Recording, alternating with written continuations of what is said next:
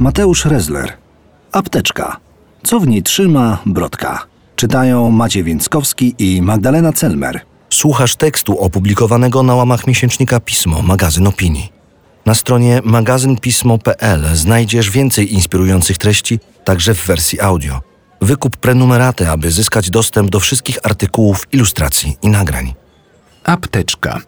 Zestaw obowiązkowy złożony z najważniejszych książek, reprodukcji obrazów, filmów i płyt.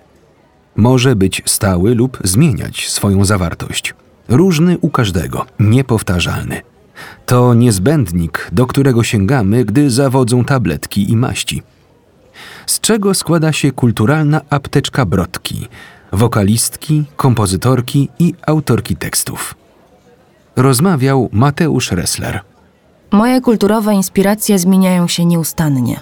Podobnie dzieje się z przedmiotami, które trzymam w podręcznej apteczce. Przychodzą do mnie z najmniej oczekiwanej strony, przypominają o sobie po latach lub pojawiają się w trakcie wielu godzin spędzonych na researchu. Filmy, kostiumy i zdjęcia uruchamiają mnie podczas tworzenia, gdy tego najbardziej potrzebuję. Kiedy w wieku 16 lat przeprowadziłam się do Warszawy, dostałam od mamy odtwarzacz płyt DVD. Wtedy mój kulturalny niezbędnik składał się praktycznie z samych filmów.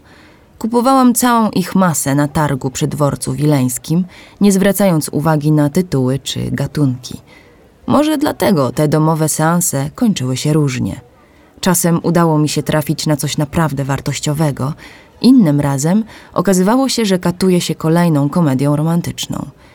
Jednak nawet one okazywały się niekiedy skutecznym remedium na chwilę samotności.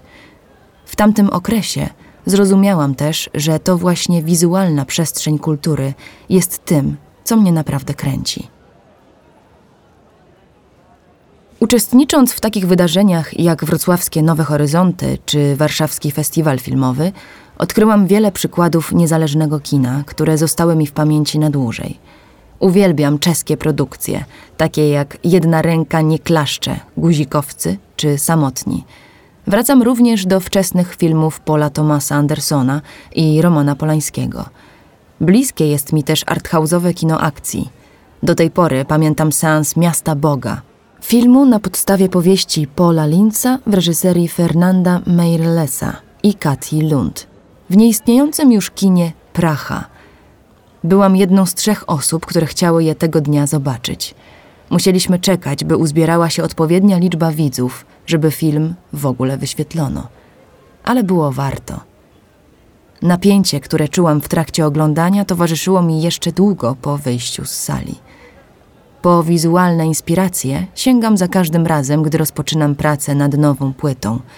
Mogą to być pojedyncze kadry, zabiegi związane ze światłem lub ruchem, albo estetyka danego filmu. Reżyserując wspólnie z Przemkiem Dzienisem klipy do Game Change i Hey Man, dwóch pierwszych singli z wydanego przeze mnie niedawno albumu Brut, zwróciłam się w stronę twórczości Davida Cronenberga, który jest prawdziwym mistrzem opowiadania abstrakcyjnych historii.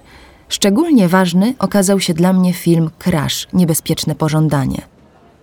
Ta opowieść o erotycznych fantazjach i zachowaniach społecznie nieakceptowanych skłoniła mnie do przyjęcia alter ego, by na własnych warunkach zmierzyć się z tematem płci i związanym z nią utrwalonym podziałem ról w społeczeństwie.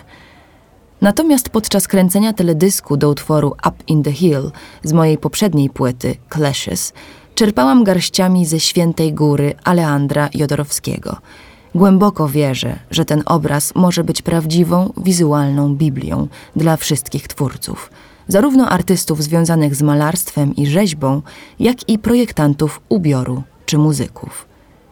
Jeszcze w trakcie pisania utworów na płytę zaczynam szukać dla nich wspólnego mianownika.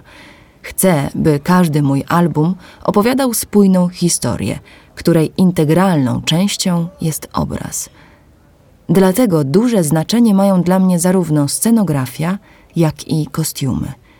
W poszukiwaniu inspiracji sięgam wtedy po albumy fotograficzne i modowe.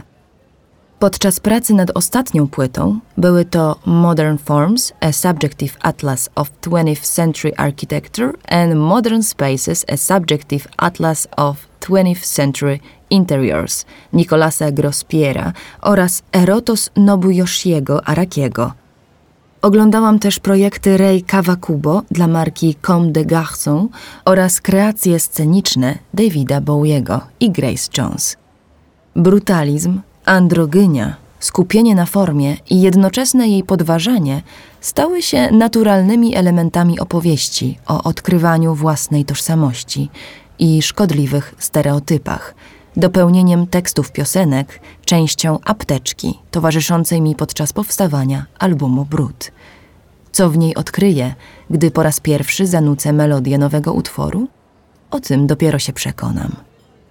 Tekst ukazał się w 45. numerze miesięcznika Pismo, magazyn opinii. Czytali Maciej Więckowski i Magdalena Celmer.